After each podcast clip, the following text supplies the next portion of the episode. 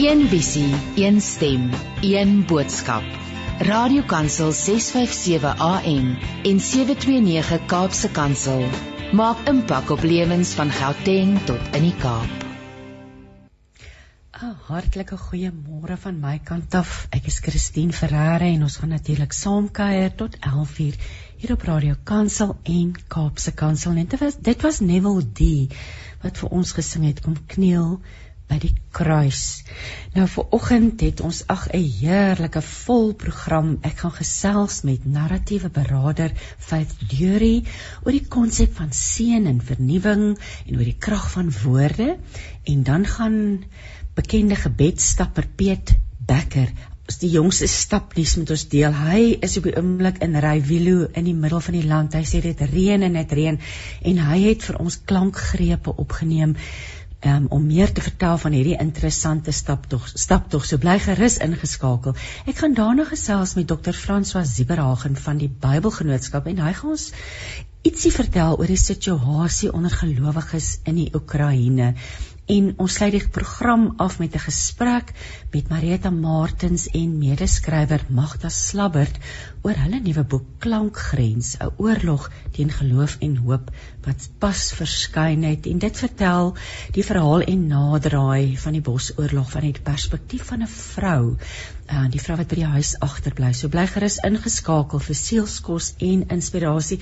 Soos altyd kan jy saamgesels. WhatsApp nommer is 082 6572729.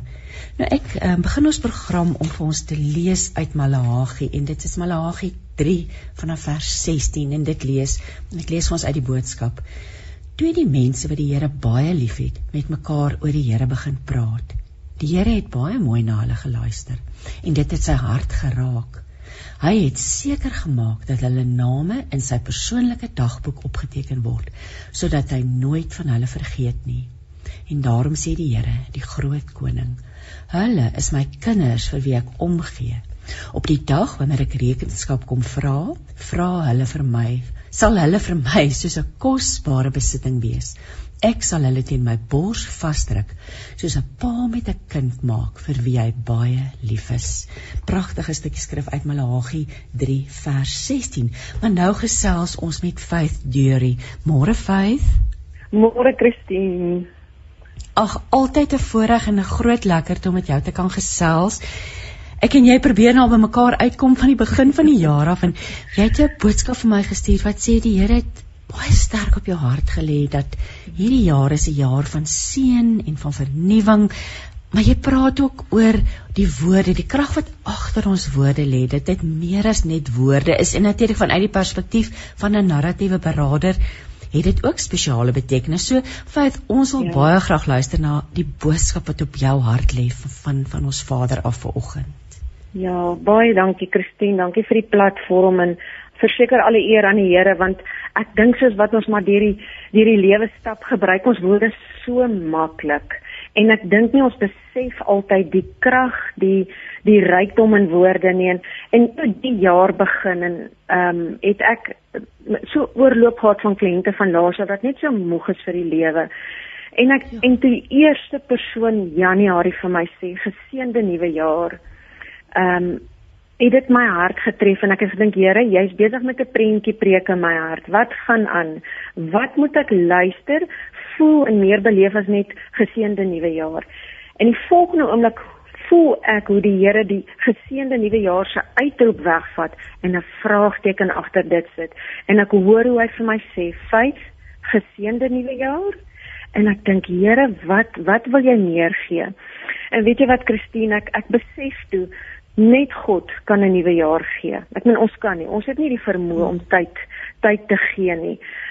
So daai daai gawe wat God met ons deel van nuut uur vir uur, dag vir dag. Dis daar, dis 'n gegewe. Hy gee dit. Maar ek en jy word tafel toe genooi om die geseënde en die nuwe regtig te benut en ontgin. Ehm um, ek hoop dit maak sin wat ek nou deurgee. Ja. Want Hoeveel mense sê vir ons in elk in die begin van elke jaar geseënde nuwe jaar, geseënde nuwe jaar. Dan ek is op 'n sand so in die 3de dag van Januarie dan dink ek of kan dit nie nou Februarie wees nie. Ehm um, want dit is vir my net dit word net so maklik gebruik. Maar ek het gaan top oor wat die Here op my hart kom druk het want ek weet altyd ek kan nie iets aangee as ek dit nie eers myne maak nie. So Here, ek gaan nou by jou sit by die tafel wat jy vir my gedek het vir die jaar. En ek wil met die woorde nuut uh, en geseënd wil ek bietjie woeker. En dit is waar ek gaan sit het en wonder het Here, nou moet jy prakties vir my oopgee want onthou die mense waarmee ek werk wat angs en depressie het, Christine. Ehm um, hulle woorde is amper baie beperk wil ek sê. So soms kom mense tafel toe met karige woordjies, maar dit is eintlik kragtig want elke persoon se woord dra krag. En ek gaan sit en ek sê goed Here, ek weet hier's nou weer klomp kliënte wat ons uh, moet sien. Wat Wat is daar wat ek vir jou kinders kan aangee? Maar ek moet dit eers myne kan maak. En God vra vir my, "Fais, hoe gaan jy hierdie jaar wegspring?" En toe besef ek wat hy vir my gesê het met sy vraag, "Geseënde nuwe jaar, Fais?" En ek dink, Here, wat 'n wegspring, wat 'n diepte, wat 'n platform om te kan besef. Dit gaan nie dit gaan nie oor die oor die die die, die um, ek wil amper sê die deponering van woorde nie. Vat ek en glo ek en leef ek wat God vir my gegee het voor mense dit oor my lewe spreek. Want ek weet van baie van my kliënte wat Desember nie hulle bonus gekry het nie. Wat Desember gedaan deur is en hulle weet Januarie is dan nie eens energie nie en dis 'n nuwe jaar. En ek het gaan sit en, en luister na hulle woorde en die meeste mense het gesê feits, ehm um, hoe bepaal ek daai geseente nuut? Want die waar en die wat maak nie 'n oomblik sin nie. En soos wat ek met hulle kon sit en dit is my altyd heilige grond om mense se stories te hoor, hulle getuienis, hulle waarheid. En toe kom die volgende op die tafel. Dit gaan nie oor die waar en die wat nie. Dit gaan oor die hoe.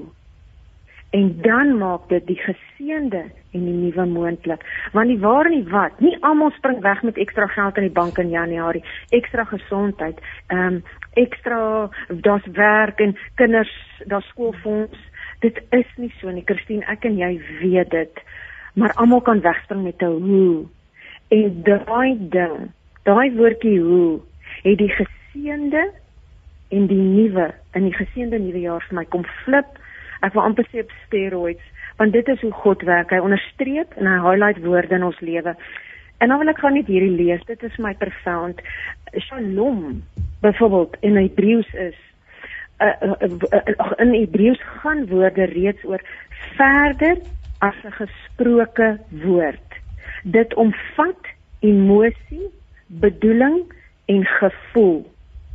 En Christine as God vir ons 'n woordjie gee net al is dit die woordjie hoe wees is dan is dit hoe is ek in die hoe? Hoe is ek in die is? En dit is waar elkeen se storie uniek opkom. Dis waar God vir ons elkeen uniek kan sê. Geseënde nuwe jaar fees geseënde nuwe jaar vir jou Christine. En daai om hom verder te vat het ek gaan sê Here prakties hoe bring ons geseën dan in die hoe. En die volgende God op my hart gedruk. Fees groter is hy wat in julle is as hy wat in die wêreld is. En ek sê Here ek hoor jou. Hoe maak ek hom nog meer prakties en na die volgende gekom? Dat ons moenie uitkyk na die uiterlik want dan is ons weer besig met die waar en die wat nê? Waar gaan my hulp vandaan kom amper so wat ek wil sê waar gaan die ekstra geld kom? Ehm um, maar as ons hom nader trek in verhouding met God wat in my is dan is die hoe moontlik. Dan is dit die storm is daar, dis feite. Maar die hoe is in my. So hoe ek gaan beweeg is dan die platform van die uur vir uur, soms sekond vir sekond.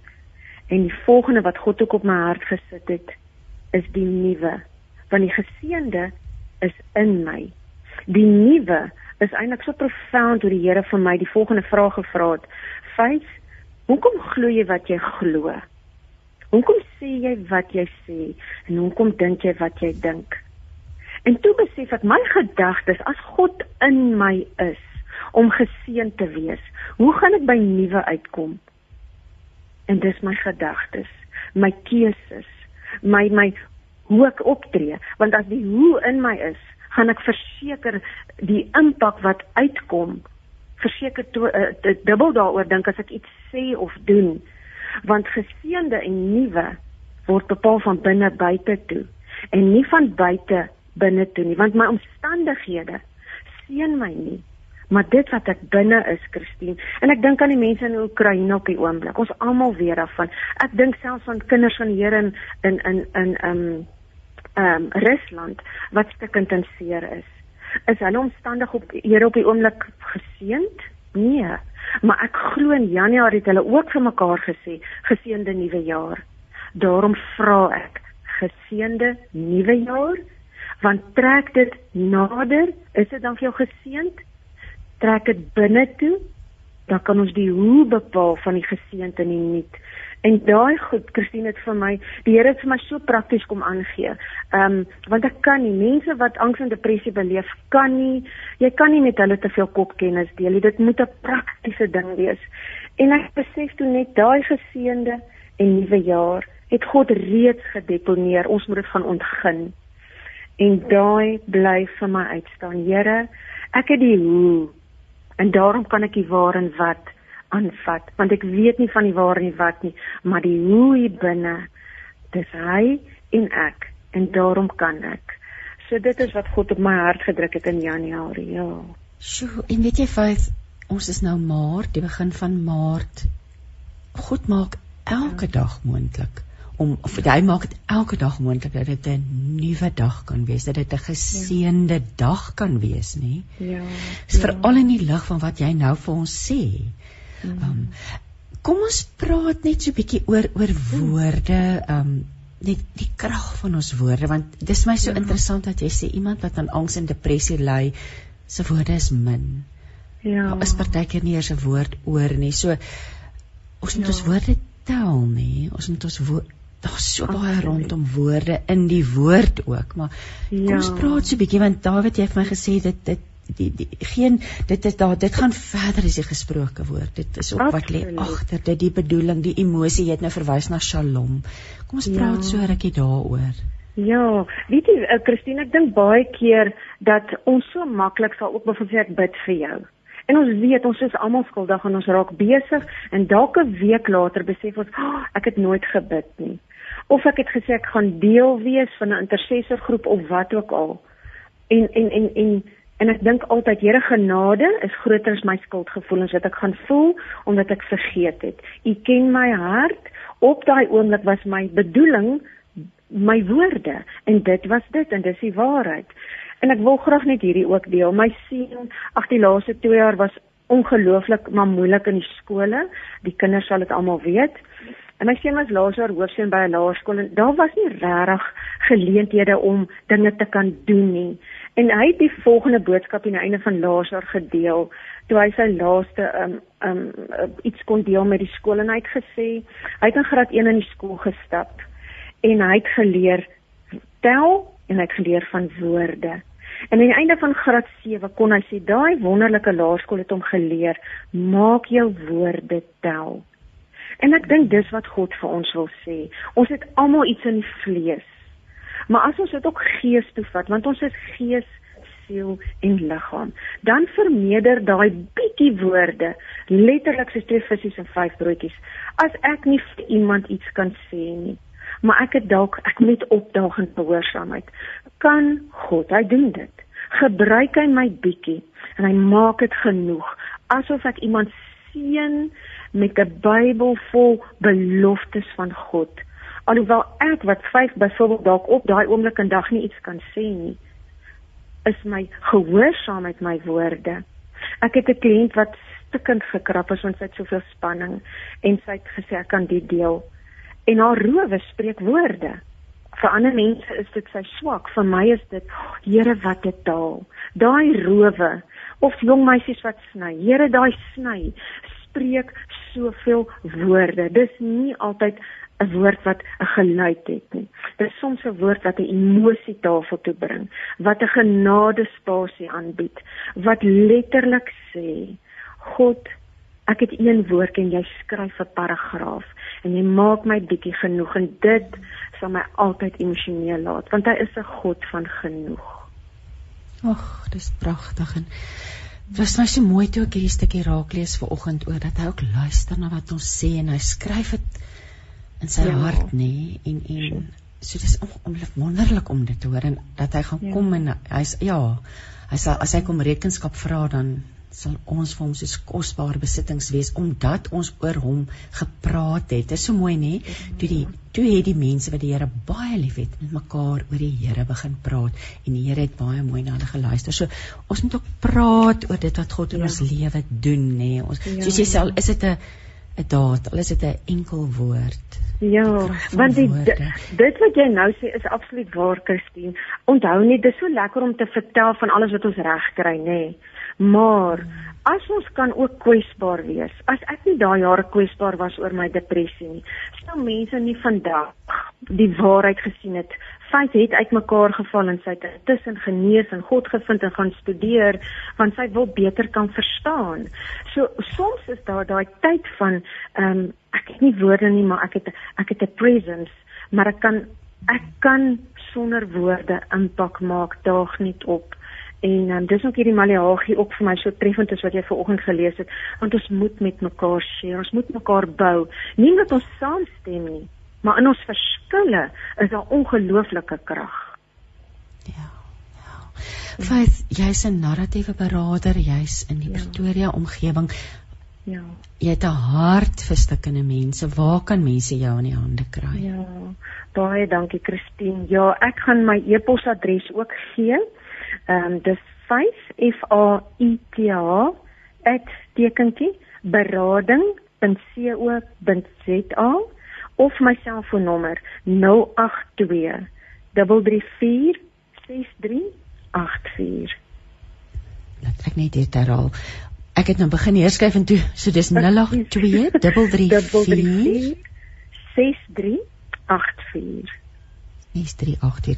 As jy dalk in jou motor ry by oomblik, hierdie nommers en vyf vyf se nommer en e-posadres sal by die kliëntediens beskikbaar wees na afloop van die program. Vyf seën vir jou. Ek ons gebruik die woord en so dankie. Ou, ek dink net aan die treffende die treffendheid van dankie en seën en liefde en al hierdie wonderlike woorde wat God ja. ons mee geseën het. Maar ja. mag die Here jou werk seën. Um dis altyd so lekker om met jou te gesels en dankie vir die wysheid wat jy met ons kom deel. Dankie Christine, dankie vir jou gehoorsaamheid dat ons kan deel wat God op ons hart druk. Dit beteken ongelooflik baie. Jy luister na Radio Kansel 657 en 729 Kaapse Kansel. Jy, jy luister na met hart en siel en soos beloof gaan ons nou luister na 'n um, klankgreep wat Piet Becker vir ons gestuur het. Piet Becker is 'n gebedstapper. Hy was al talle kere 'n gas op ons program en hy het nou net 'n WhatsApp gestuur hy het. Hy sê die sein kom en gaan maar hy het pas in Rywilo aangekom. Dit reën reën reën in die middel van Suid-Afrika by en ver om Rywilo. Ek het gister van sonsopkoms tot sononder in die reën gestap. Aan die einde van die dag was ek papnat. My rugsak was sopnat en alles behalwe kombers en 'n stel klere in my sak was deurnat. Die pad was modder en ek het na die skatte van die reën gesoek. En dan haal hy ons aan uit Deuteronomium 11 vers 14. Dan sal ek die reën van julle land gee op die regte tyd. Vroeë reëns en laat reëns en la, sodat jy jou koring en jou mos en jou olie kan insaam versamel en hy sê die olie in die vers is yitshar. Ek hoop ek spreek dit reg uit uit die Hebreëus. Wat verwys na salwing en lig. En hy sê mag die middelpunt van jou lewe verlig wees deur die lig van die wêreld Jesus. En Piet is natuurlik besig met hierdie staptog na die middelpunt van ons land.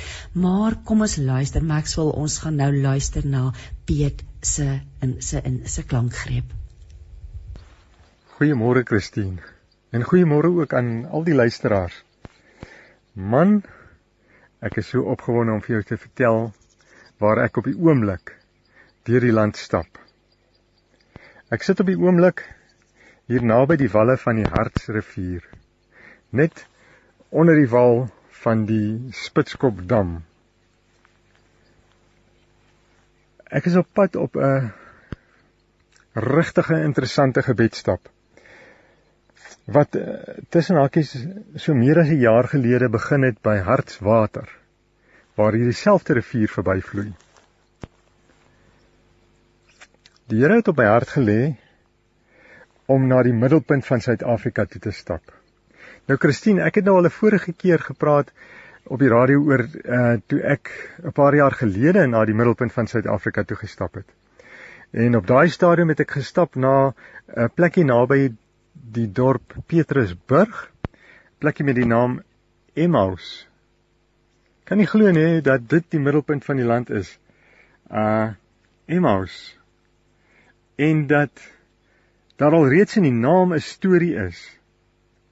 Want kyk, daai twee disippels wat saam met Jesus na Emmaus toe gestap het, het die heeltyd besef daar's iets vreemd want um, hulle het na die tyd gesê was ons harte nie warm uh terwyl ons met hom geloop en gesels het nie. Maar hulle het hom nie herken dat hy saam met hulle gestap het tot tot daar aan die einde toe hulle saam sit. En weet jy baie keer dan hoor 'n mens hoe dat mense daai selfde ding sê. Uh hulle herken nie dat Jesus saam met hulle stap nie. Hulle het dit nie besef dat hy daai moeilike pad saam met hulle stap nie. Tot daar aan die einde, dan sê hulle maar jy weet, um, hy het eers aan die einde opgedaag, maar weet jy nie, hy het regtig die hele pad saamgeloop. En dit was die boodskap wat ek daar uit die middelpunt by Emmaus moes gaan haal. Onthou jy nog dit was uh die punt waar 'n middelpunt waar daar 'n fontein was, maar die fontein het in 1891 opgedroog. Dit sê so baie, dit het soveel uh, man ek sê altyd daar's 'n hele preek hierin weggesteek. Nou ja, toe die Here nou vir my op my hart lê ek moet na die middelpunt toe stap, so meer bietjie meer as 'n jaar gelede toe het ek gedink ag ek woon op die oomblik so 40 km van Emmaus af. Dit sal seker so 'n dag of twee se stappie wees. Man was ek verras.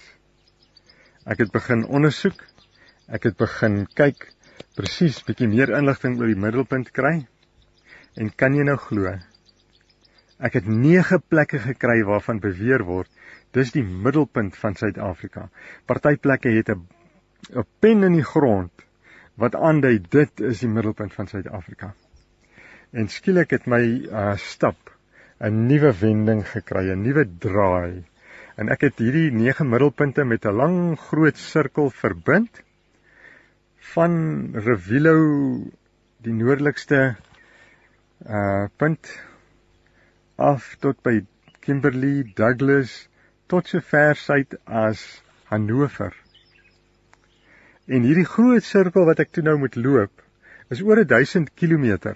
Maar gelukkig en jy weet um, met met die lockdown wat ons gehad het, kon ek nie altyd gestap het nie. So ek moes hierdie stap moet ek in paaiement doen. En ek het verlede week begin om die 9de stap te doen. En dit is nou na Revilo toe. Maar nou intussen moet ek bysê, soos wat ek stap, dan sal mense vir my sê, "Man, wie jy uh, die regte egte middelpunt van Suid-Afrika is eintlik hierso of daarso. En ek het nou al 18 middelpunte. So ek is nou net mooi in die helfte van my van my lang tog. En ek kan nie vir jou my opgewondenheid inhou of verduidelik wat op hierdie pad na Revilo toe gebeur het nie. Ja, die ding wat my die meeste gefassineer het aan aanvanklik was oor hierdie vreemde naam, Revilo. Ehm um, waarvan ek nog net gehoor het, ek was nog nooit in daai dorp nie. En toe ek begin uitvind daaroor, toe sien ek Revilo is eintlik benoem na die eerste dominee, uh dominee Olivier. En Revilo is die naam Olivier agteruitgespel. Nou, nou begin die dinge interessant raak. Olivier uit die Frans beteken olyfboom.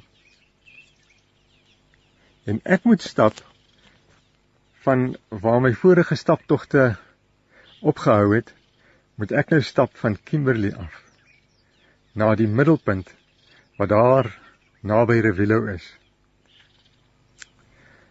Nou Christine sal jy nou glo. Van Kimberley tot by die middelpunt by Revilo is 153 km. My vrou is op die oomblik in Lichtenburg besig om 'n werkswinkel aan te bied. So dis my altyd lekker uh dat as sy met iets besig is, dan kry ek ook geleentheid om my draai te gaan stap. En uh dan hoef ek haar nou nie alleen op die plaas agter te los nie. So ons was uh in ons verskillende rigtings, sy op uh na die noorde toe gery en ek het uh eers in Bethlehem my getuienis gaan gee by 'n gemeente uh so eentjie buite Bethlehem en ek moes toe met 'n bus oornag ry van Bethlehem af tot by Kimberley. Die die buskaartjie Christine se prys was R351. 351.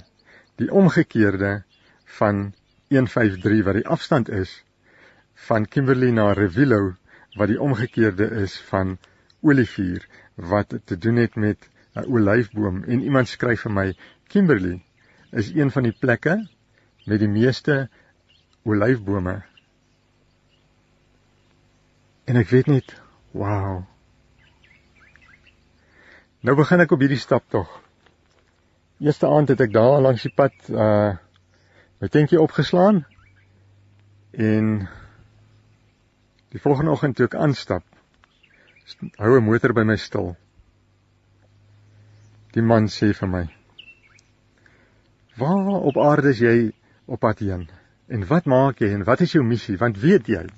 sê hy vir my. "Ek het by jou verbygery. Maar ek het geweet ek moet by jou kom stop." En weet jy na so 10 km toe het ek omgedraai en ek het teruggery hier na jou toe.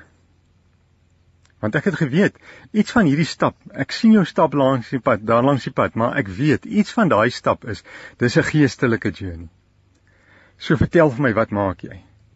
En ons het so rukkie gesels en voordat ek hom nog kon vertel van die olyfboom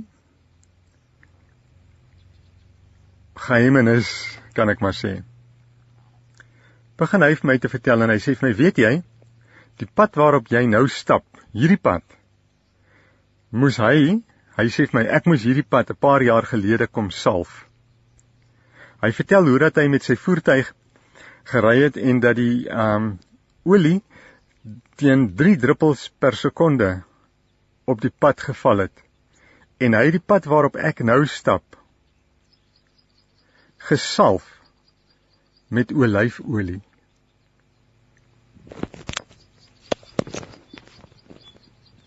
Dit maak 'n mens klein en nederig voel wanneer jy besef dat God alreeds jou pad uitgelei het.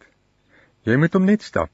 Christine, ja, nou wil ek graag hierdie stap na Revilo vir julle net met 'n met 'n skrif vasmaak as 'n middelpunt.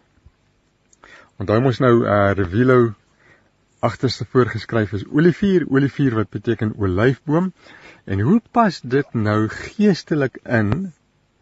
Uh dat 'n mens kan sê dis ook 'n geestelike middelpunt. Psalm 52 vers 10 sê: Maar ek staan sterk soos 'n welige olyfboom. Ek is in die huis van God en ek steun altyd daarop dat hy vir my sorg. Wat 'n fantastiese middelpunt is dit nie. So man, ek wil nou uh, 'n paar getuienisse deel wat nou al hier op die pad gebeur het. Maar voor ek dit doen, wil ek net 'n bietjie vertel van die ander middelpunte waar ek ook gestap het want ek wil um graag vir julle deel die skrifte, die verse waarmee daai ander punt middelpunte ook as geestelike middelpunte uh vasgemaak is. Byvoorbeeld ek moes by Kimberley van Kimberley afstap op 'n ander stap tog na 'n ander middelpunt toe. Daardie middelpunt was by 'n berg met die naam Halfkop. Nou dit klink nou snaaks net dit is 'n berg maar hy's nou halfkop. Hy was groot gewees, maar wat gebeur het is hulle moes die pad van Kimberley na Smitsdrift moes hulle maak en hulle die sand en grond en klippe en en goed gebruik wat hulle van daai halfkop af uh, gekry het. Soveel so dat hulle omtrent die helfte van die berg of die heuwel uh opgebruik het. En al wat oor is is 'n plek wat die mense nou na verwys as halfkop.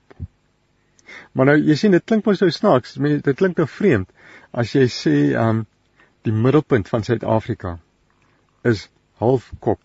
Nee, mense wil mos sê dit moet jy weet dubbel wees of ten minste vol of maar nou is dit net halfkop. So hoe kan 'n mens geestelik daarna kyk sodat dit 'n vol storie het. En luister 'n bietjie na hierdie skrif van Jesaja 40 vers 3 en 4. Berei in die woestyn die weg van die Here. Maak gelyk in die wildernis 'n groot pad vir ons God. Elke dal moet opgevul word en elke berg en heuwel klein gemaak word. En daarmee maak ons die pad maak ons die weg vir die Here. Is dit nie fantasties nie dat dit is waarom jou middelpunt gaan dat jy gebruik alles van wie jy is sodat daar 'n weg gemaak word sodat die Here van die leerskare kan kom, kan inkom. 'n Ander middelpunt Hannover. Ver suid. Jy sien sommer so op die kaart, nee, hierdie kan nie die middelpunt wees nie. Dit is verseker hy's verseker. Maar ehm um, toe ek in Hannover was, het ek uitgevind hoekom het hulle die plek middelpunt of na die plek as middelpunt verwys. En dit het gegaan oor al die handelsroetes van die ou dae. Jy kon nou byvoorbeeld van Johannesburg na Kaapstad toe by Hannover as die middelpunt, die middel van die pad, die halfpad, halfpadmerk stop. Of um, van Kaapstad na Durban was Hannover die halfpad of die middelpunt. Van Port Elizabeth tot by Appington is Hannover die middelpunt. So wat sê al hierdie handelsweë, al hierdie roetes, al hierdie paaie? Uh hoe kan jy dit vasmaak met 'n skrif sodat dit iets met middelpunt te doen het? Spreuke 3 vers 6 sê: Ken hom in al jou weë dan sal hy jou paaie gelyk maak. Is dit nie wonderlik nie? Aan die een kant maak ons vir hom die paaie gelyk, aan die ander kant as ons hom ken in al ons weë, dan maak hy ook ons pad vir ons gelyk. Wat 'n middelpunt. Sommers so terwyl ons oor middelpunt praat, dit is dit is dit staan die hele tyd vir my uit.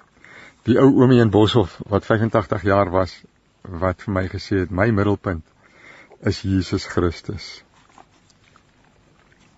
Nou op die pad na Boshoff toe het ek juis um by 'n middelpunt gekom wat daar in die veld onder 'n alleenstaande boom was die middelpunt. En daar by die boom het ek gebid en vir die Here gevra, ag, hy moet hom af my wys, nê, nee, hier's hierdie boom. Niemand kan my veel vertel van die boom nie. Uh daar's nie mense in die omgewing nie. Dit is 'n is 'n grondpad wat tussen Boshoff en Warrington En ek wil nou net bietjie meer weet oor hierdie boom. So in die tussentyd het ek nou toe by die boom aangekom het. Um vir my gebedsvenote en vriende en Facebook almal vertel en foto geneem daar die middelpunt van die van die land, daai boom wat die middelpunt is van die land. En iemand skryf vir my terug. En dit is so lekker om te weet dat ons as deel van die liggaam van Christus, deel van die bruid, dat ons mekaar help om goed raak te sien. En die persoon skryf vir my Genesis 2 vers 9. En God het allerlei bome uit die grond laat uitspruit, begeerlik om te sien en ook goed om van te eet. En ook die boom van die lewe in die middel van die tuin. En Christine, kan jy sien?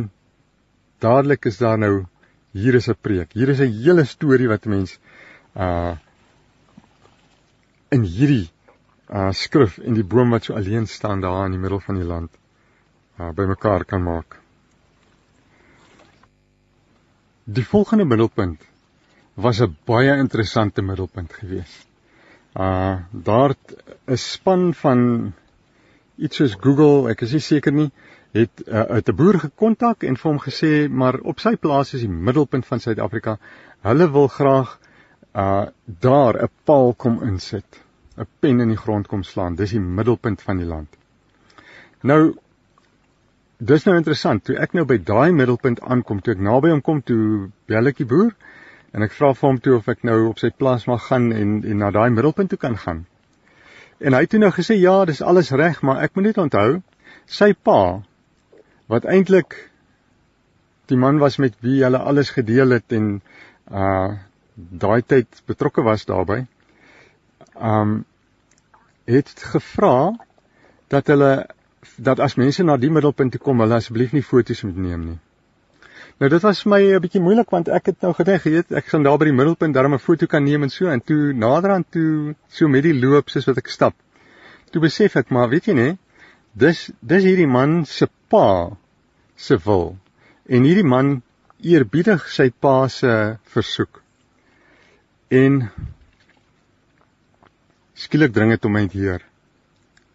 Jesus die grootste voorbeeld van iemand wat sy pa se versoek sal eer. En hy bid in die tuin van Getsemane en hy sê: Vader, laat hierdie lydensbeker by my verbygaan, maar nie my wil nie, maar u wil. En wie Christine is dit nie die mooiste voorbeeld van middelpunt in jou lewe dat ons vir ons Vader kan sê Vader nie my wil nie maar u wil. Toe ek sê sommer amen daarop. Ag en die volgende middelpunt was toe nou so eensame ou plekkie langs die modderrivier. Nee, daar was nou ook regtig niemand om te verduidelik wat gaan aan by daai middelpunt nie. Uh ek kon nie inligting kry op die internet oor oor daai middelpunt nie. Ek het net die uh koördinate gehad en daar is die middelpunt reg langs die Modderrivier. En ek vra vir die Here, wat is nou um tekenend van hierdie middelpunt? Hoe kan ek nou hierdie ou middelpunt wat niemand van weet nie en wat nie so belangrik lyk soos die res nie. Hoe kan ek dit geestelik stel hier langs die modderrivier? En hoor wat sê die Here in my hart en ek gaan soek en ek kry Psalm 40 vers 3. En hy het my uit die kuil van vernietiging uit die modderige slyk opgetrek en my voete op die rots gestel. En wie nee, die rots is Jesus. Maar hoor hierso. Dit was vers 3. Ek wil vir jou vers 2 lees. En dis wat my uit die water uit seën.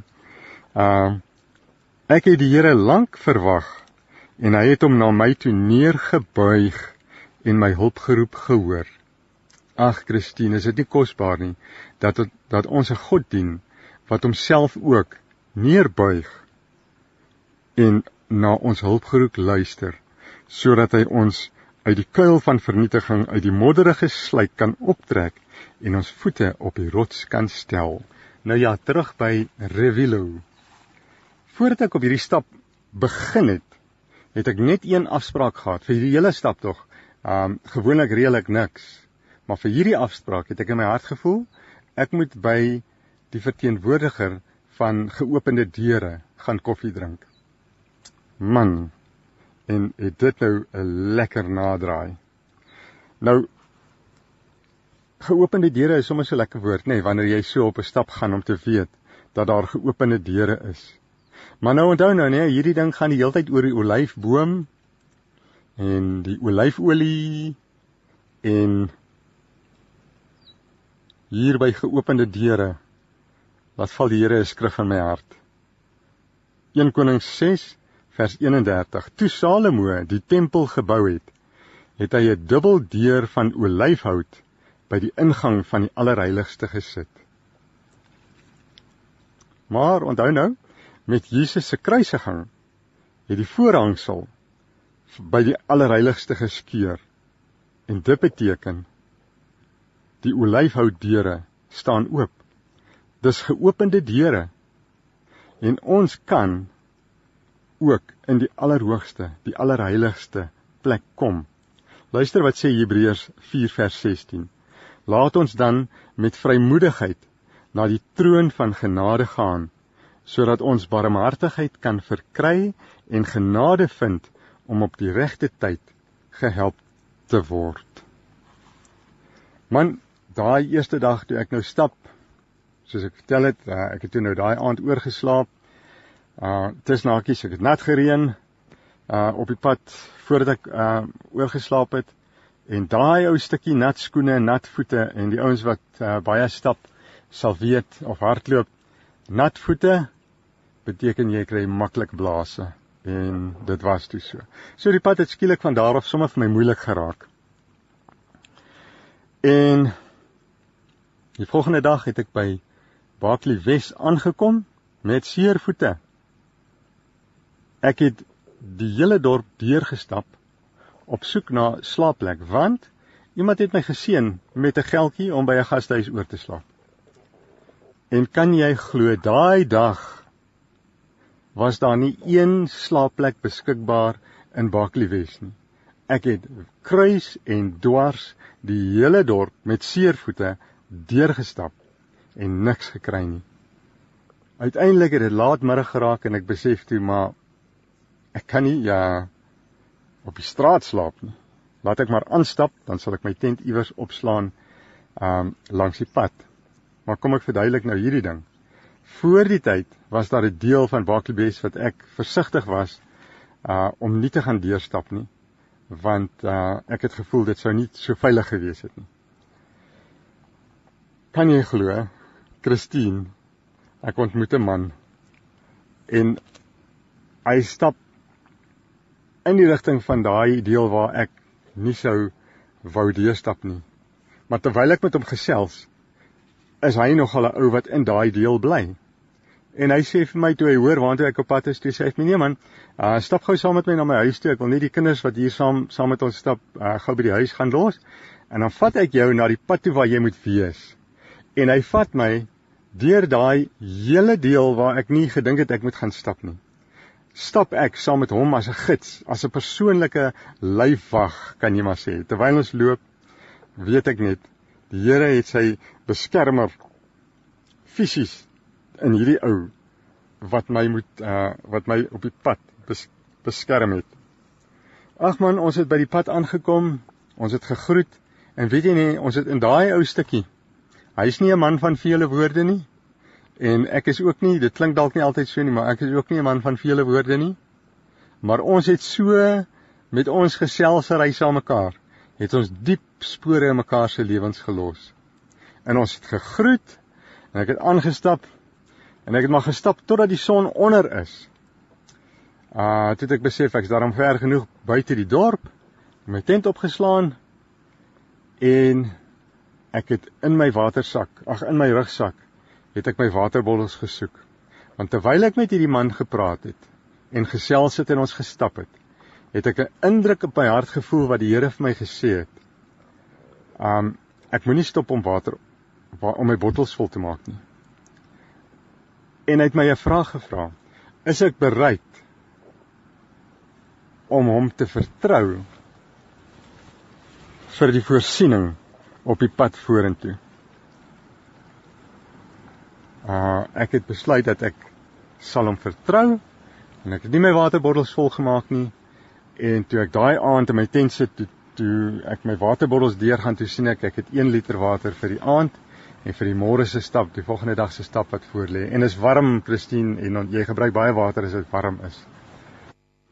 Een van die goed wat die man van geopende deure vir my gesê het, was dat hulle baie keer 'n gebed bid waar hulle vir die Here vra om hulle onsigbaar te maak Nou dit is interessant want hy het getuienisse waar hy vertel hoe dat hulle dan by die douane kom by plekke waar hulle Bybels deursmokkel en dan bid hulle en vra vir die Here om hulle ons onsigbaar te maak.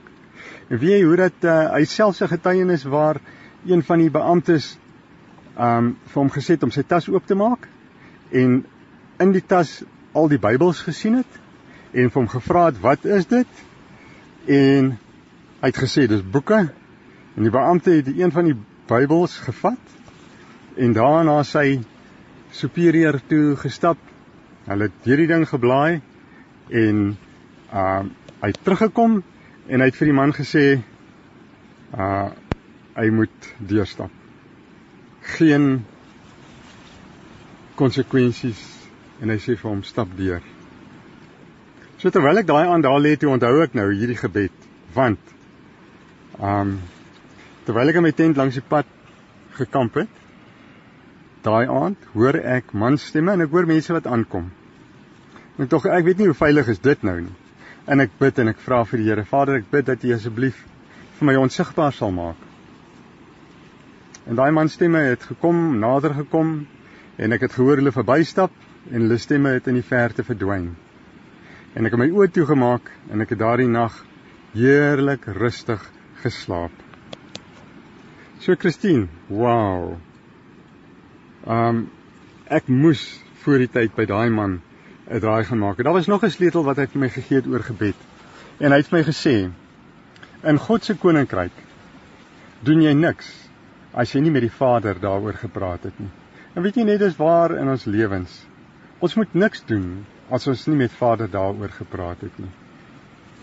Nou ja, toe die volgende dag toe ek nou wegstap, toe ek nou die wat oorgebly het van die uh, liter water en ek stap aan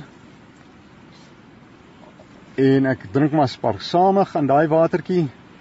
In die tussentyd het my foon al uh pap geword en ek kom by 'n plek waar ek sien ag dis 'n wildskamp.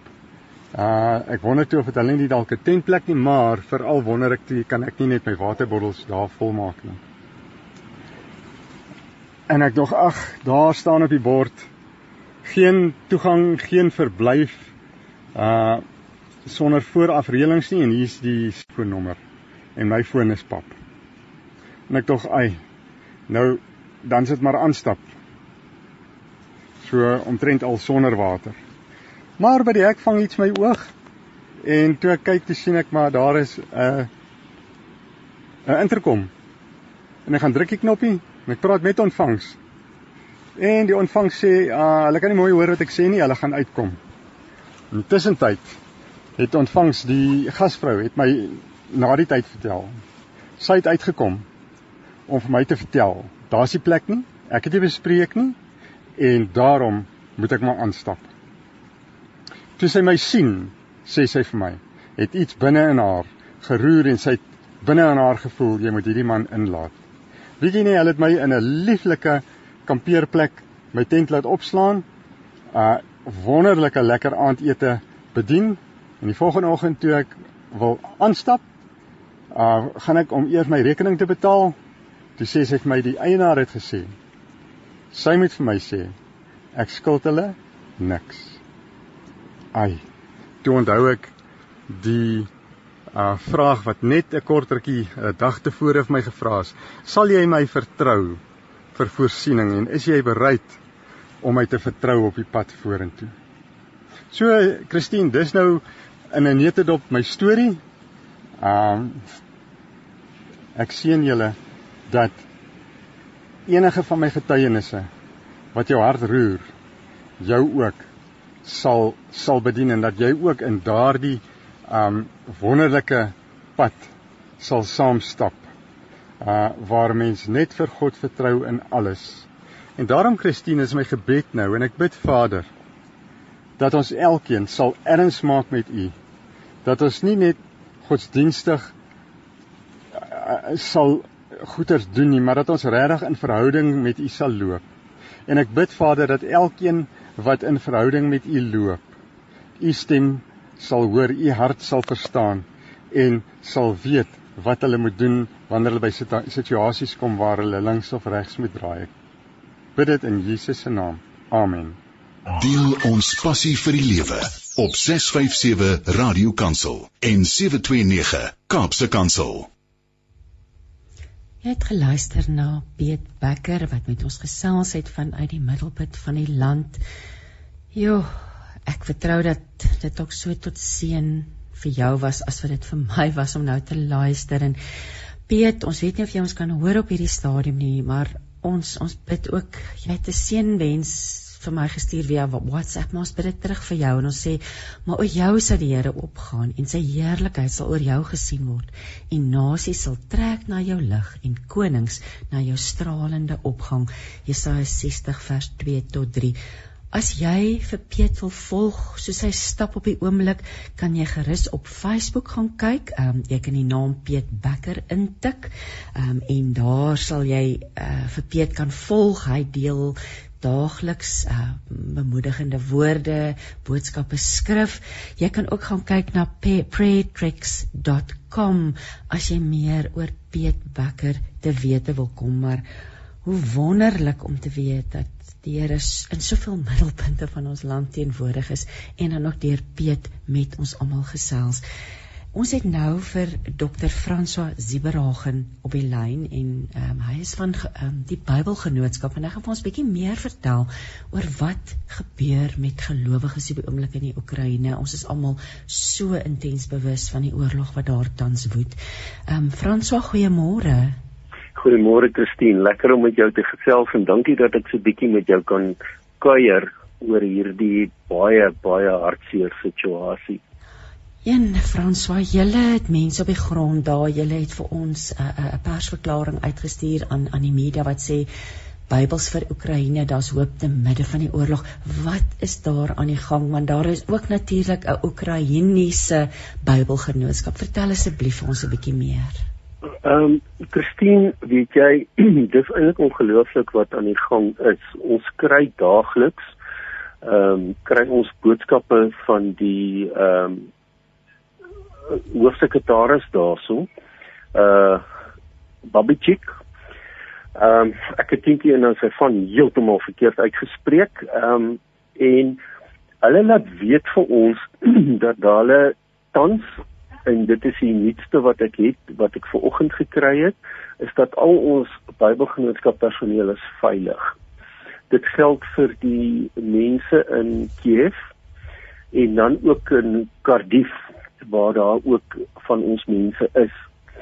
Hulle gaan tans ehm um, glo dit as jy wil, hulle funksioneer, hulle gaan uit, hulle neem Bybels, hulle vat ehm um, materiaal na kerke toe. Hulle vat uh Bybels na mense toe om hoop te bring. En uh hulle die Bybelgenootskap personeel staan tans bekend in Kiev as die die engels, die engele van Kiev omdat hulle na die mense toe kos vat as hulle kos in die hande kan kry, vat hulle saam en dan ook ehm uh, vat hulle Bybels na die mense toe en in die proses probeer hulle ook die mense geestelik ondersteun. Nou hulle vanoggend vir ons weer laat weet hulle gaan in al die bomskuilings in, hulle gaan na hospitale toe, na die kinderhuise toe en waar hulle weet van ouer mense wat in huise vasgevang is, gaan hulle ook soontoe. Ek dink ons moet ook verstaan dat Kiev so groot dat nie al die plekke word op een slag gebom nie ehm um, en dat die konflik in sekere plekke bietjie meer intens is as in ander plekke. Dus is daar nog beweging, kan hulle nog rond beweeg. Maar as die sirenes afgaan, dan moet hulle ook maar skuilings vind. En ehm um, ja. En 'n interessante storie wat nou vanoggend uitgekom het, is dat hulle die hoofsekretaris van die Bybelgenootskap in Kirgistan of in Kazakhstan, in Kazakhstan dat sy ma woon in Kiev en uh, hulle daar gaan uithaal om haar ook veilig te sit uh, of, of te vat na 'n plek waar dit veilig is sodat sy nie so blootgestel is nie. So daar word uitgekyk vir mekaar en gelowiges ondersteun mekaar En dan wat vir my regtig fantasties is, is dat gelowiges van reg oor kan die reg oor die wêreld is besig om uit te reik dat die mense in die Oekraïne maar baie belangrik ook na die Bybelgenootskap in Rusland. Ja. Want hulle ondersteun nie noodwendig dit wat Putin besig is om te doen nie. Maar hulle moet nog steeds ook aangaan en ons as Bybelgenootskappe is almal deel van 'n familie, die Wêreldbond van Bybelgenootskappe. En ons vat mekaar se hande daar en dit is eintlik verskriklik ehm um, en is hartverskeurende dat in al twee hierdie lande ehm um, is daar Bybelgenootskappe wat funksioneer en wat vir gelowiges bedien met die woord en sorg dat die woord in die, in die hande van die mense kom. En dit is wat vir my so aangrypend is is dat ook oor kulturele maar ook oor hierdie geweld en oorlogssituasie dat hierdie werk nog steeds kan voortgaan. Ja, Franswa, ek is in die eerste plek in hondervlas uitgeslaan en in die tweede plek voel dit of mens kan in trane uitbars oor wat aan die gang is, maar ook oor God se goedheid. Soos jy sê dat ons oor grense heen, oor kulture heen hande kan saamvat. Julle julle kry ook oproepe tot gebed. Julle die mense vra bid asseblief vir ons, bid dat ons lewens gespaar word.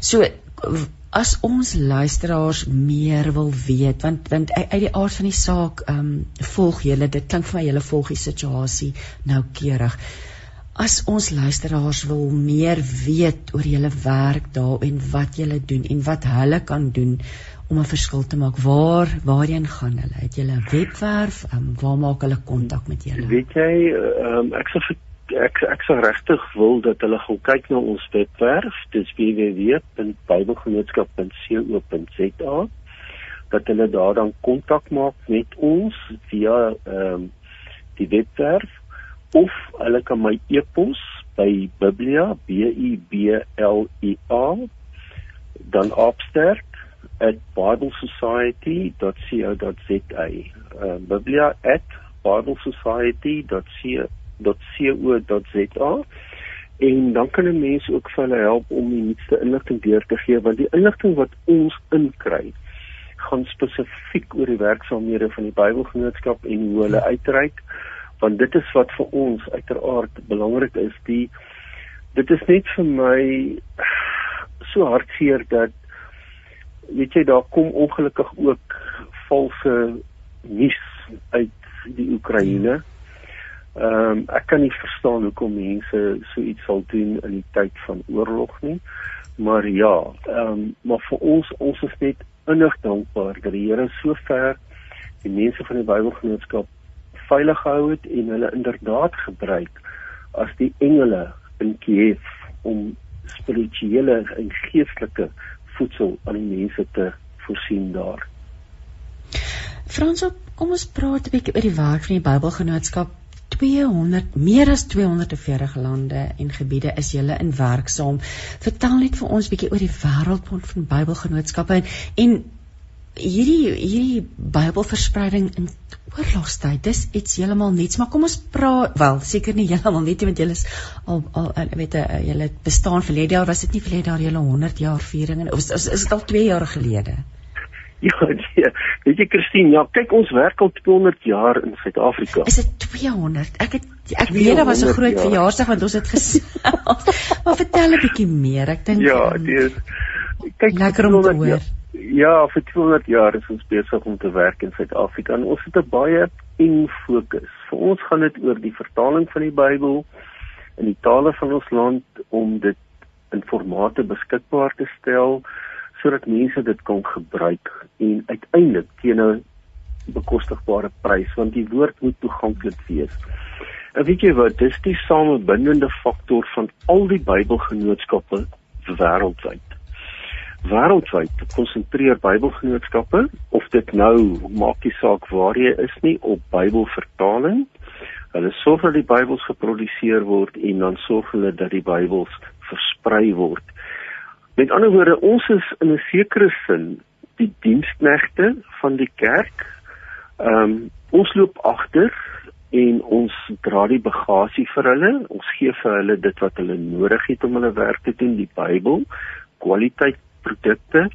Aan die ander kant van die saak is ons ook die ligdraers vir die kerk om met nuwe vertalings in 'n nuwe idioom uh wat in in die taal van die mense um om dit dan ook vir hulle beskikbaar te stel. So ons het 'n tweeledige doel as ligdraers maar ook as die mense wat die bagasie dra en wat die voorsiening maak sodat gelowiges ook vir hulself ehm um, die genade van God kan leer ken. Ehm um, deur sy woord in hulle eie lewens en dit dan van toepassing kan gemaak. En dit is interessant die die bedieningspatroon reg oor die wêreld of jy nou in ons Afrika konteks in 'n Bybelgenootskap soos Kenia instap wat 'n mooi groot sterk Bybelgenootskap is of jy stap in Niger wat 'n eenmans kantoor is in almal het dieselfde fokus dryf en missie en dit is om die woord van God beskikbaar te stel in formate wat mense kan gebruik teen 'n bekostigbare prys. En dis wat die wonderlike is van hierdie werk is en ons kan leer by mekaar hoe om die werk te doen om nuwe ehm um, kanale te on, te ontdek hoe om die woord beskikbaar te stel. En as die een dan hartseer beleef, dan is dit ons almal se hartseer. Gedeelde vreugde, gedeelde hartseer, ons is een groot familie. So dis maar waarmee ons elke dag besig is. Hmm. Ek wil ons luisteraars uitnooi en ek wil sê kom kom ons vat bidend hande met die Bybelgenootskap van Suid-Afrika om vrede, moed en vertroosting aan die mense van die Oekraïne en Rusland te bring in hierdie tyd. So hoop te midde van vrees. Dit is op die oomblik uh, die fokus. So ek wil julle ook uitnooi besoek die Bybelgenootskap se webwerf www.bybelgenootskap.co.za. Jy gaan allerlei inligting daar kry. En Franswa, is daar julle is julle daagliks besig om daardie nuus vir ons um, op te dateer wat oor wat daar aan die gang is? Ja, en ons hanteer dit met groot sensitiwiteit ook. Ehm um, ja, want ja.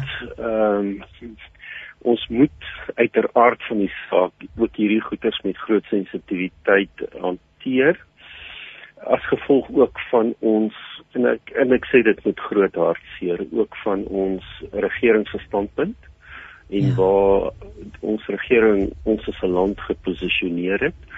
So ons hanteer dit baie versigtig, maar ons maak dit beskikbaar ook op ons Facebook bladsy. Maak ons dit uh, beskikbaar en hou ons ons oog so in die seile. Absoluut. Jy weet jy moet ons net aanhou bid saam staan as gelowiges. Franso baie baie dankie vir die geleentheid om met jou te kon gesels het vanoggend. En ja, ons ons ons ons bid die Here se seën oor julle werk. Jo, 200 jaar ek ek kan nie glo ek dink is 100 nie en ek ek die, ons die tyd is op die laaste 2 jaar so al vloeiend gewees nê, maar seën vir julle werk en en en ons ons ons bid vir julle. En ek glo en ek weet ons luisteraars staan saam met julle in gebed fantasties. Baie dankie Christine. Dankie Franswa. Kom ons luister nou na Dou voor dag wat gaan sing Skrapnel. So maklik soos die druk van 'n knoppie. Die boodskap van die lewe op 657 Radio Kansel en 729 Kaapse Kansel. Ja, luister dan met hart en siel en dit was Dou voor dag wat vir ons Skrapnel gesing het heel gepas vir ons um, gesprek nou. Ek het nou vir Marita Martins en Magda Slabbert op die lyn en ons gaan gesels oor die boek Klankgrens, 'n oorlog teen geloof en hoop. Dit word uitgegee deur Luka en soos ek vroeër genoem het, um, dit gee ja, dit die onderwerp van die Bosoorlog en die vrou wat by die huis agtergebly het word in hierdie boek aangespreek. Môre Marita, môre Magda gaan ek eers met jou gesels Marita. Nou Christine, Magda sit hier net langs my en sy sal net gou môre sê en dan is ons op die lug en en aan jou oorgelaat. Hier is sy. Ah. Môre Magda. Hallo Christine, dit is Magda hierso. Ons gaan die foon nou so heen en weer maar vir, vir mekaar gee want die internet is af en die um beerkrag hier by ons. So ek kan nie eintlik noodwendig hoor wat jy vir haar vra nie. So sy gaan as as sy die foon vir my moet gee, dan moet jy maar net vir haar sê of uh, aandui en dan sal sy die foon weer vir my gee en dan praat ek weer. Ag die liewe beerdkrag nee. ons ja. ons kan maar net ons kan maar net ons bes doen. Magda wat ek voorstel is ek en Marita gaan gesels en dan gaan ek oorgaan na jou toe en dan gaan ek met jou gesels. So ek sal eers Marita se se vrae aan haar stel. Maar so dankie dat julle twee bereid is. Ons het 'n heerlike Zoom sessie opgestel gehad want julle sit natuurlik in Bloemfontein. Maar nou die beerdkrag ons gefnuik. Marita, ek wil eers te vra, hoe het jy by die skryf van hierdie boek betrokke geraak? Raak. Marita, is jy daar? Ja, ek is hier so. Ek, ek kon jou glad nie hoor vir 'n oomblik nie. So, ek wil graag weet hoe jy betrokke geraak by die skryf van hierdie boek. Luisteraars en Christine Magda het my kom besoek en aanvanklik het ek gedink sy wil haar lewensverhaal vir my uh, kom boekstaaf. En nou wil ek dit duidelik stel wanneer mense lewensverhale te boek wil kom stel en my daaroor raadpleeg, dan deel ek gewoonlik die opsies, die voor- en nadele van selfpublikasie of voorlegging aan hoëstroom uitgewers met hulle. En ek wil wil onthou dat die arme Magda hieraan blootgestel was toe sy by my aangekom het. Maar die belangrikste van alles vir my is in samewerking met enige aspirant skrywer van 'n storie is dat ons deelgenote in Christus moet wees. En toe Magda aan my uitgespel het wat die ware doel van hierdie boek is, en ek in die eerste rukkie wat ons saam was haar leer ken net as 'n vrou wat vir Jesus Christus sentraal in haar lewe stel en God drie enig die hoogste plek in haar lewe. En dat sy nie net haar storie wil vertel nie maar his story history history in her life and in the life of so many other women het ek geweet hierby kan ek betrokke raak wat my wens is om Christus te ken en om hom saam met die verteller aan die leser bekend te stel. Om die verteller in haar worsteling met en vashou aan en verwondering oor God te mag uitbeeld. En dis hoe ek by magte betrokke geraak het So Marita, ek en dit is nie die eerste keer dat jy so dat ons gesprek het oor so 'n boek wat so eintlik 'n samewerkingssituasie is nie. Hoe dit gewerk? Hoe het Magda op dele geskryf? Het jy meeste geskryf? Hoe dit hoe die samewerking gewerk? Magda en ek het baie ontmoet. Ons het saam ontmoet. Ehm um, sy het baie keer met my oor WhatsApp uh, stemboodskappe gelos. Ons het baie keer direk met mekaar oor WhatsApp gesels. Sy het sekere stukkies het sy geskrywe en vir my aangestuur aantekeninge wat sy gemaak het. En sy het ook haar man Rufus uiteindelik by my in ons meentuiskompleks gekry. En ek wil dadelik ook sê, wat 'n mens, die een met S C H is hy.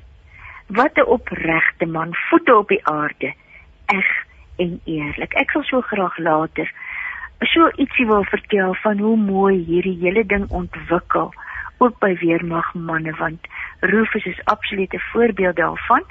Ehm um, so ons het so saamgewerk dan bel sy my of ons WhatsApp of en as ek 'n ent geskryf het stuur ek dit weer vir haar aan en dan stem sy daarmee saam of stem nie, nie daarmee saam nie of ek die regte stem gekry het.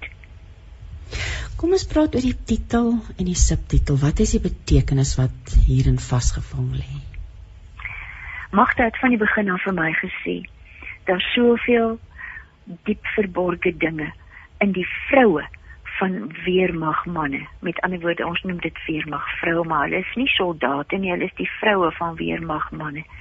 Soveel diep verborgde dinge, soveel trauma, soveel hoop, soveel wanhoop soveel verliese, soveel pogings om die verliese ongedaan te maak. En dis alles so stil, jy weet daar niks van nie. Die klank is agter grense, agter barrikades, die klank van wat in die hart aangaan. Die klank van die geloofstryd, die klank van wat mense gedroom het wat sou wees en wat verpletter uh, is deur die oorlog. Ons moet nou ook maar net kyk na wat nou in in Oekraïne gebeur, dan sien jy eintlik sigbaar die absolute verwoesting wat binne in die gees van ook vroue en weermag manne plaasgevind het met die grensoorlog. Um en dan het 'n mens nou gedink aan 'n aan 'n straalvliegtuig wat deur die klankgrens bars en die knal wat jy eintlik eers agterna hoor. Jy hoor dit eers agterna. En hierdie het eers agterna gekom nadat deur die grens gebars is en dis die grens, die Angolese grens en al die dinge wat manne beleef het. Hm. Vir wie is hierdie boek bedoel? Spesifiek vir vroue?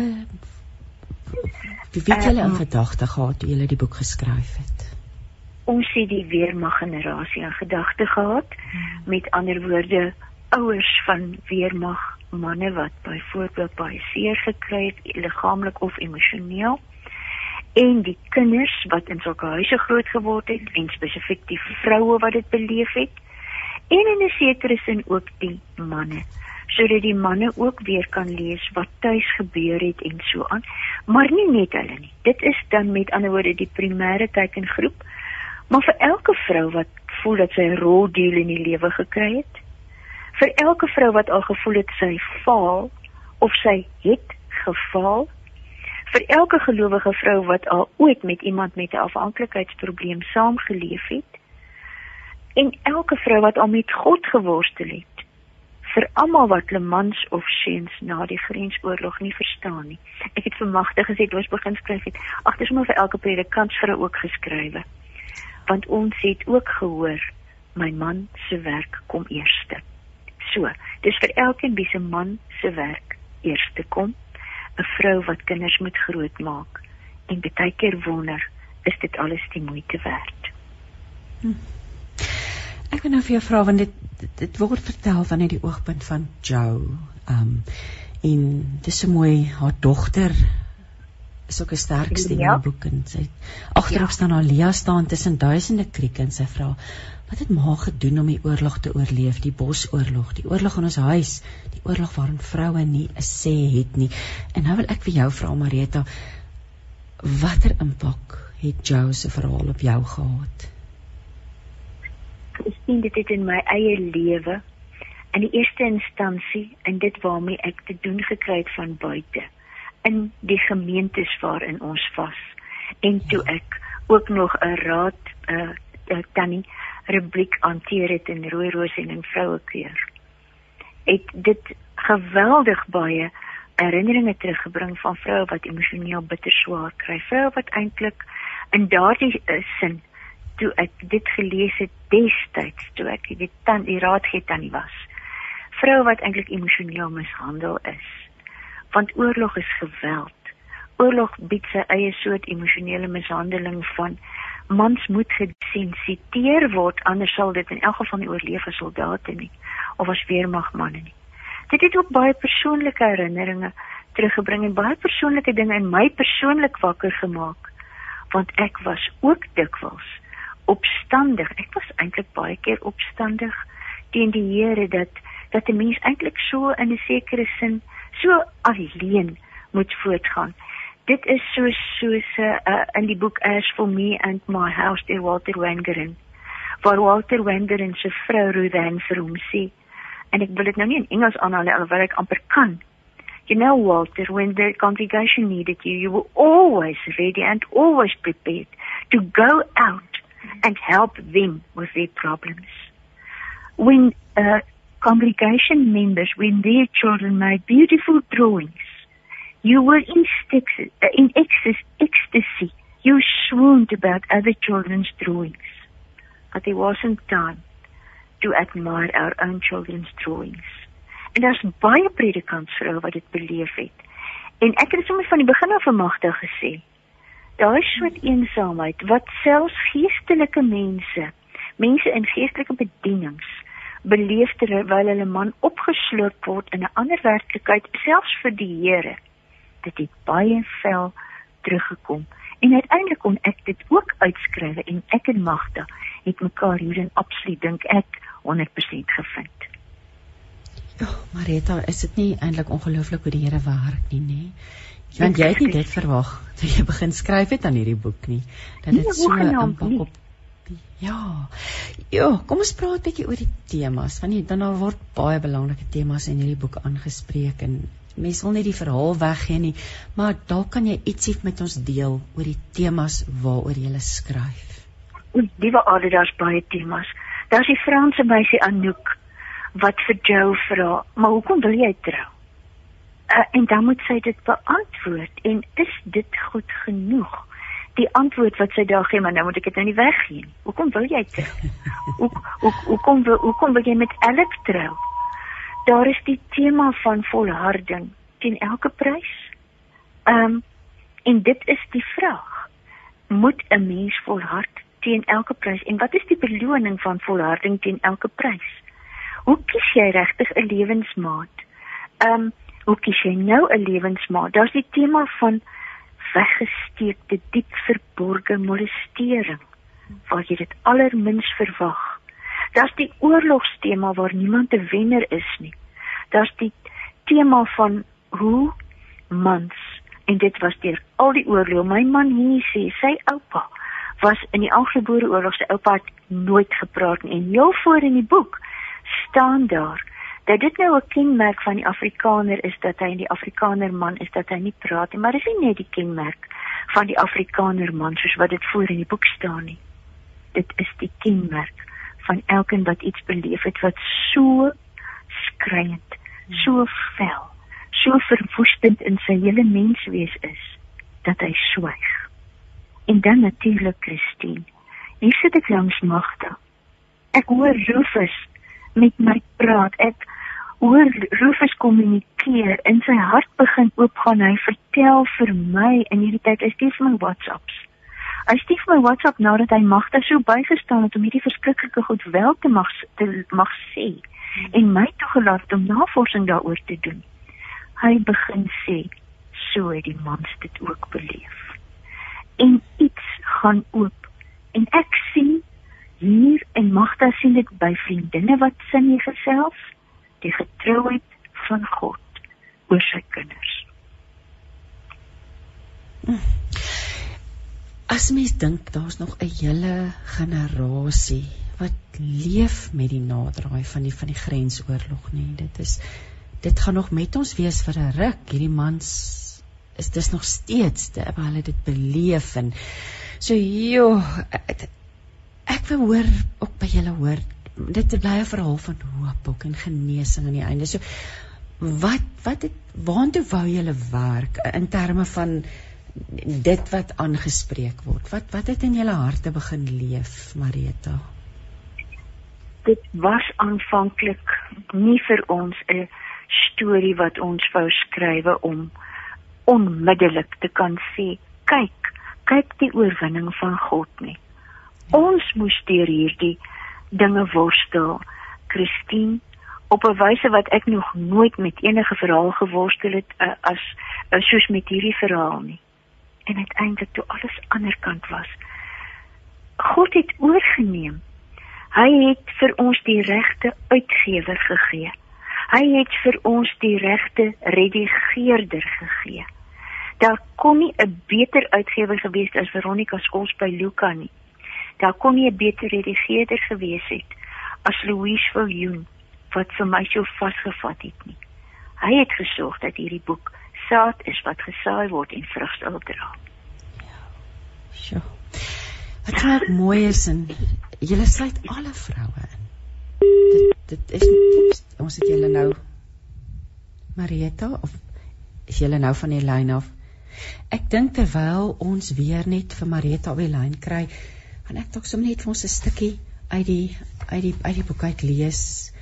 Ehm um, die voorwoord sê Hulle sê wanneer daar geluidsgolwe van 'n supersoniese bewegende liggaam af uitgaan en met die slag van 'n landmyn in die hemelruim ontplof, word die klankgolwe agter die bewegende liggaam ingeruk.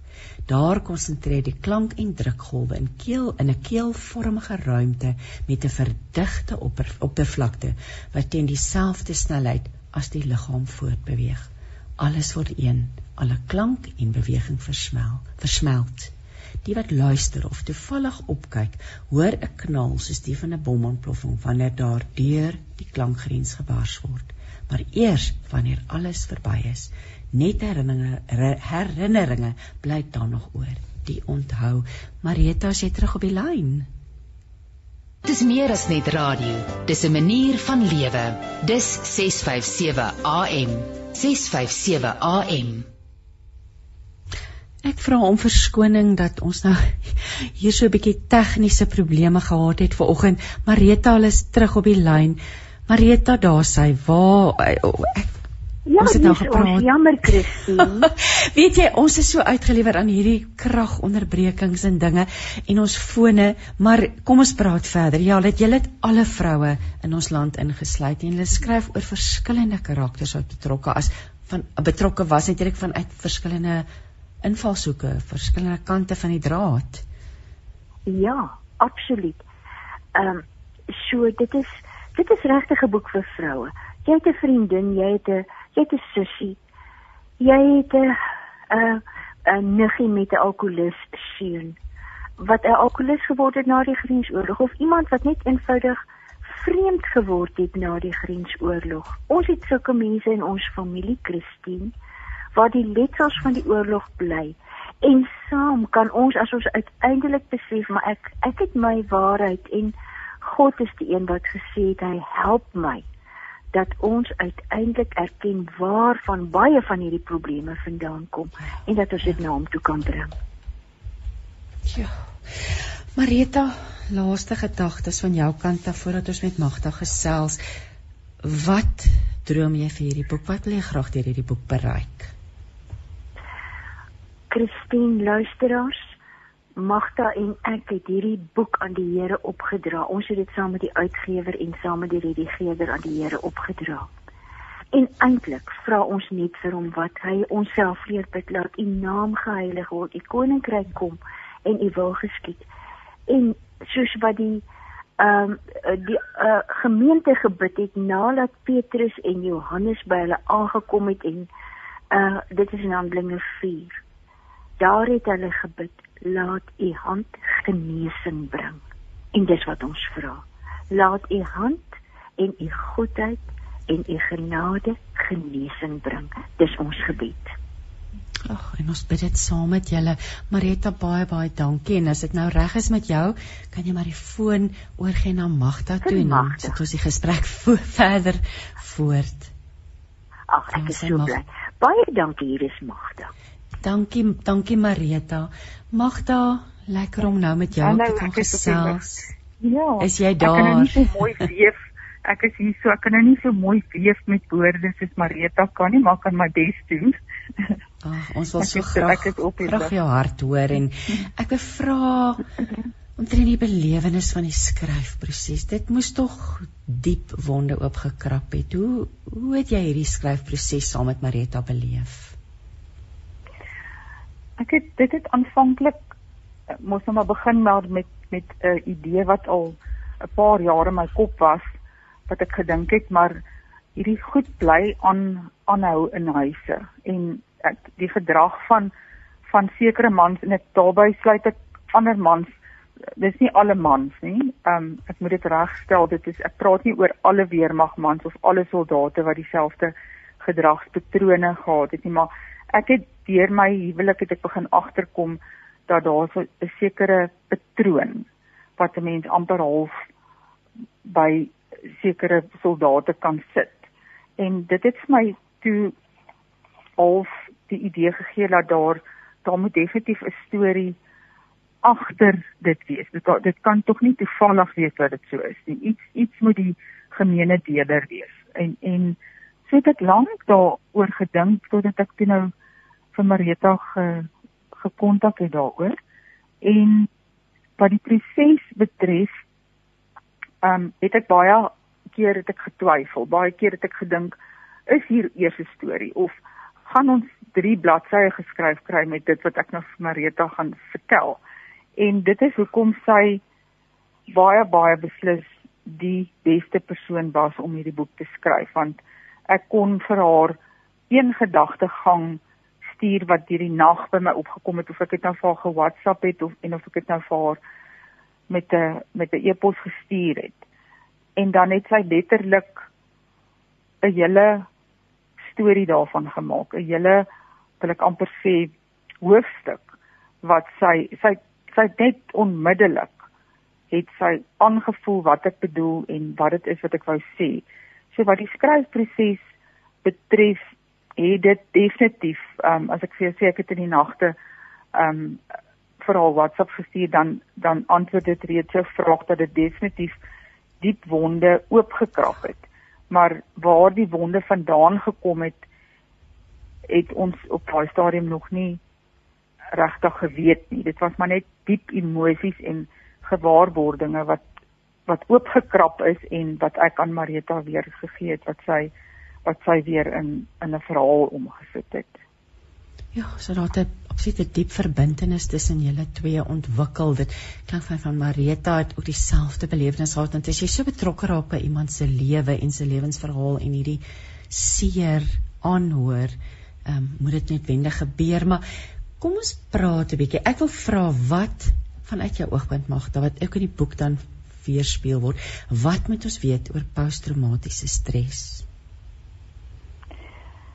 Ehm um, dat ek gaan dit so kort as moontlik probeer beantwoord want elke persoon se posttraumatiese stres um kom uit op verskillende maniere.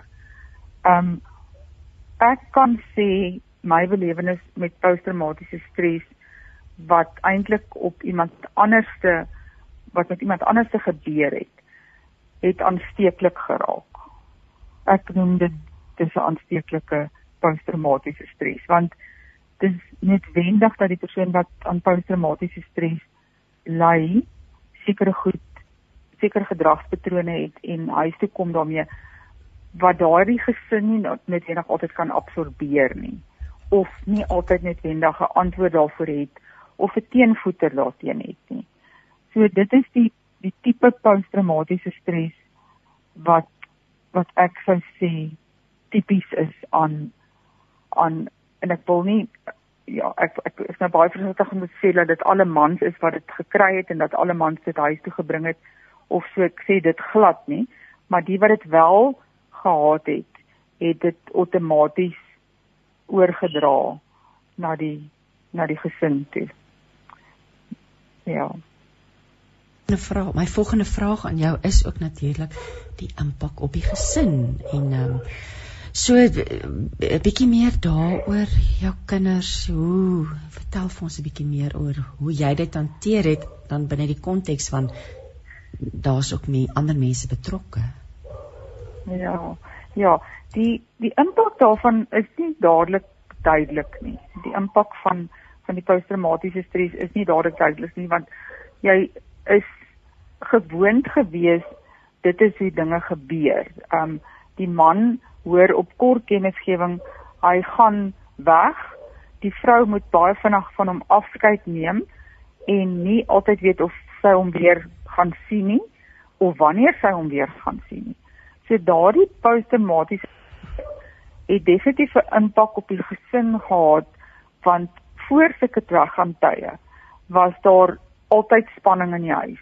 Daar was um voor die weggaan tyd is dit amper so 'n oploop van van emosies en daar's net mooi niks wat jy daaraan kan doen nie. Ek ek lei wil ek amper sê nou nog daaraan. As as iemand moet weggaan, ehm um, veral my man ook wat nou baie op die plaas is. Ehm um, as hy weggaan, daar's altyd wat agtergebly het van van die van die bosoorlog in in ons huis is daardie tipiese ehm um, wil ek sê gedrag wat vorm. Dis amper asof asof ons ehm um, asof die, asof dit emosie belaai raak voordat hy nog weggaan. Dis amper asof dit opbou na klimaks toe en dan gaan hy weg en dan moet jy deel daarmee. En dit was met hulle weggaan grens toe was dit ook maar so. As hulle geweet het hulle gaan weg grens toe en hulle mag nie gesê het hulle het reeds 'n sein gekry of dis nog nie openbaar gemaak dat, dat hulle gaan grens toe nie. Is dit tipies ook wat gebeur het in die huise is daardie ehm um, angstigheid het het opgebou tot op 'n tot op 'n breekpunt. Ehm um, ek dink dit was ook 'n losmaak van van al die partye in die gesin want om weg te gaan en agtergelaat te word ehm um, in goeie omstandighede is sleg. So ehm um, dit is amper asof daar konflik gekom het sodat die weggaan makliker kon wees. Ek ek weet nie of ek sin maak nie. Ja. Ehm um, nee, ek maar on, ons maar, kan nie ons emosies hanteer nie en nou beklous ja. met mekaar of ons is maar moeilik. Kom ons praat ja. oor jou genesingsproses want daar kom ook 'n vraag in my gedagte op. Hoekom wou jy die boek skryf of laat skryf?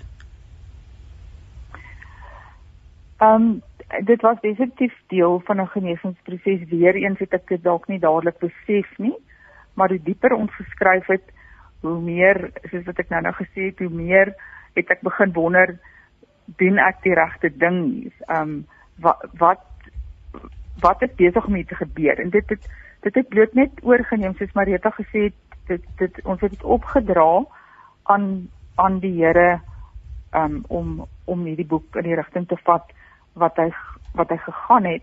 Anders sou daar letterlik net 'n storie gewees het van die weermag vrouens het swaar gekry. Dit sou die storie gewees het. Maar hoe dieper ons ehm um, begin skryf het, hoe dieper het ek begin begin besef, maar hierdie is definitief 'n uh, genesingsproses en ek wil sommer by jou volgende ehm um, dit is nie 'n rare vraag wat jy vra nie, maar jy vra wat van vergifnis. En ek wil die twee antwoorde kombineer deur te sê dat daar is eintlik nie iemand wat vergewe moet word nie want dit is nie dit is nie iets wat iemand aan iemand moeswillig gedoen het nie. Die vrou het nie moeswillig seer gekry of die grensoorlog gebruik om om dit teen haar man te hou of die man het ook nie grensoorlog toe gegaan omdat dit noodwendig sy keuse was nie.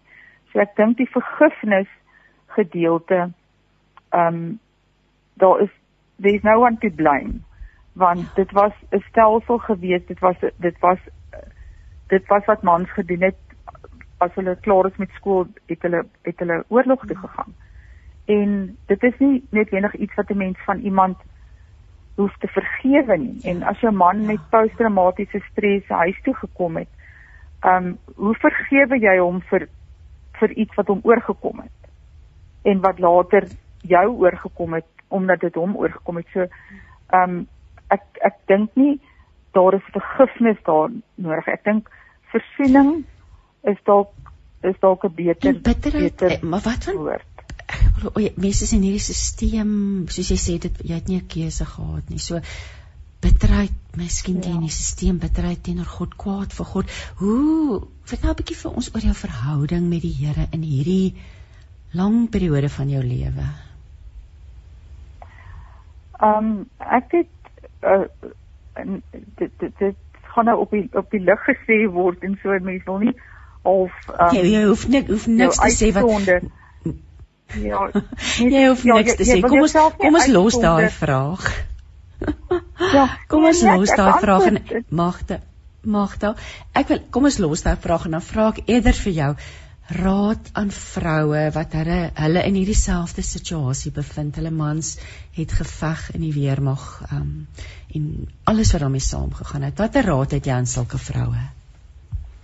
Dit sluit eintlik aan by by jou vorige vraag wat jy wat jy besluit het om dan nou nie gaan gaan vra nie. dit gaan dit gaan dit dit het maar 'n verbintenis met ehm um, hoe jy dit hanteer.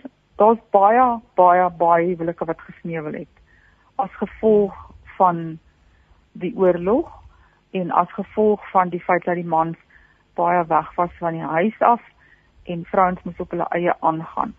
So ehm um, daardie vrouens het het daardie keuse gemaak. So daar is nie regtig raad wat 'n mens vir iemand kan sê jy moet dit so hanteer of jy moet dit anders hanteer want elke een se situasie is anders maar as ek die raad as 'n jong vrou van destyds vir iemand in 'n boek kon skryf soos wat dit nou gedoen is sou ek gesê het byt vas dit is nie die man se skuld nie. Ja daar is mans wat ehm um, al met my kontak gemaak het en vir my gesê het maar hulle ken 'n duisend mans wat nie die roete gevolg het van om drank te misbruik of hulle te vergryp of aan enige iets nie. So elke situasie is anders, maar dit het dalk op 'n ander manier in hulle huwelik skade veroorsaak. Nie noodwendig deur drankmisbruik nie. Dit kan enigiets wees wat wat veroorsaak het dat hulle geskei het op die ouene van die dag. Daar's huwelike wat gehou het as gevolg selfs as gevolg van of of ten spyte daarvan dat dat mans ehm um, na drank begin gryp het om hulle posttraumatiese stres dan dit so dis moeilik om vir elke een 'n uh, individuele ehm um, uh, so so mens kon sê dat dat vrouens dat julle ook deur hierdie boek dalk 'n nuwe bewussyn wil skep en die vrou net weer 'n bietjie laat dink oor wat het sy weer deurgemaak en dat sy dalk ook met hulp soek dat dat hierdie ja. pyn en hierdie seer en hierdie is dit nie wat 'n mens ook net graag sou wou bereik maar jy het gepraat van dat daar genesing sal kom maar dat die vrou besef maar dit het ook met ja. my gebeur en eintlik het ek hulp nodig en berading nodig. Ja. Ja, verseker is dit so, um, en ek dit sal ek op die lig sê en dit is dat dat mans en vrouens ehm um, het hulle hulp mag gaan soek by sielkundiges en die vrouens wat agtergebly het wat nie kon daarmee um, altyd cope nie, het definitief ook um, sielkundige hulp gekry en ons het ondersteuning ja. gekry in die stelsel deur middel van die leerdamesverenigings wat ons wel bygestaan het wat ons later in ons lewe eers besef het. Maar um, die die die raad um, wat ek as in vroeë 20s aan ander kon gee as ek daardie tyd die boek geskryf het sou wees om um, om te verstaan. Kyk, ek het toe ook nie verstaan nie. Ek het ek het ook maar baklei en ek het ek het was ook maar holderste bolder in die ding ingegooi en moes maar vat wat na my kant toe kom. Maar die man van vandag se ouderdom, ek het 'n broer wat ook op die grens was. Um, dit was in die, in in die 89s toe die grensoorlog eintlik amper half op sy einde gekom het. En hy praat nie daaroor nie. As ek as ek met hom wil praat oor die boek ook, dan sê hy net vir my ons mans praat nie daaroor nie. En dit is wat vir hulle geleer is en dit het ook op ons vrouens afgekom. As jy dit die gevoel was, ek sê nie ek veralgemeen nie, maar die gevoel was baie keer dat indien jy daaroor sou praat, dan koop jy nie, dan is jy nie 'n goeie weermagsvrou nie. Die mans, as hulle daaroor praat, dan beteken dit hulle kan nie gehanteer het wat op die grens gebeur het nie. En dit was net 'n aanspoken ding. Dit um mense het nie daaroor gepraat nie. Die mans van vandag se ouderdom wat nou afgetree is wat wat in die bosoorlog was. Kyk hoeveel boeke is daar. Daai boeke kom nie net uit die nuutheid nie. Daai boeke is daar omdat daar 'n man is wat ook 'n stem wou gehad het wat hy nie gehad het nie maar daar was nog nooit 'n boek geskryf oor die vrou se stem nie. En dit gaan nie hier oor 'n seksistiese ding oor maar nou met die vrou ook 'n sê nie. Dit gaan glad nie daar nie. Dit gaan oor die twee wêrelde van twee mense wat nie mag gedink het hulle mag nie met mekaar hieroor praat nie, oor hulle vrese, oor wat hulle beleef het. Is nou besig om met mekaar te praat. Die wie se huwelike gehou het, ons het nou weer daar vir Magda verloor. Ons staan in elk geval ek sien dis 10:57 op die horlosie. Ek wil net herhaal, die titel van die boek is Klankgrens, 'n uh, subtitel Oorlog teen geloof en hoop. Die skrywer is Marita Martens, medeskrywer Magda Slabbert. Die boek word uitgegee deur Luka en ehm um, ja 'n boek met met met met genesing ten doel. So ek wil ook ek hoop hulle kan my hoor alles seën op hierdie boek toe wens en ja ek wil ek wil dan ook vir Maxwell Sengweni dankie sê vir sy tegniese versorging vandag. Ons het 'n paar uitdagings gehad en maar ons ons ons ons is daardeur en ons kon darm gesels het met Marita hulle. Liewe luisteraars, ag mag die Here jou seën in hierdie week wat kom en soos Faith julle aan die begin gesê het, mag ons die teenwoordigheid, die hoe in ons lewe, God het in ons hart leef, mag ons dit ja, ons eie maak en dit elke dag se waarheid wees. Ons gaan luister na relevant 'n laaste stukkie daarvan wat vir ons gaan sing Nuwe Hemel. Tot volgende week dan. Totsiens.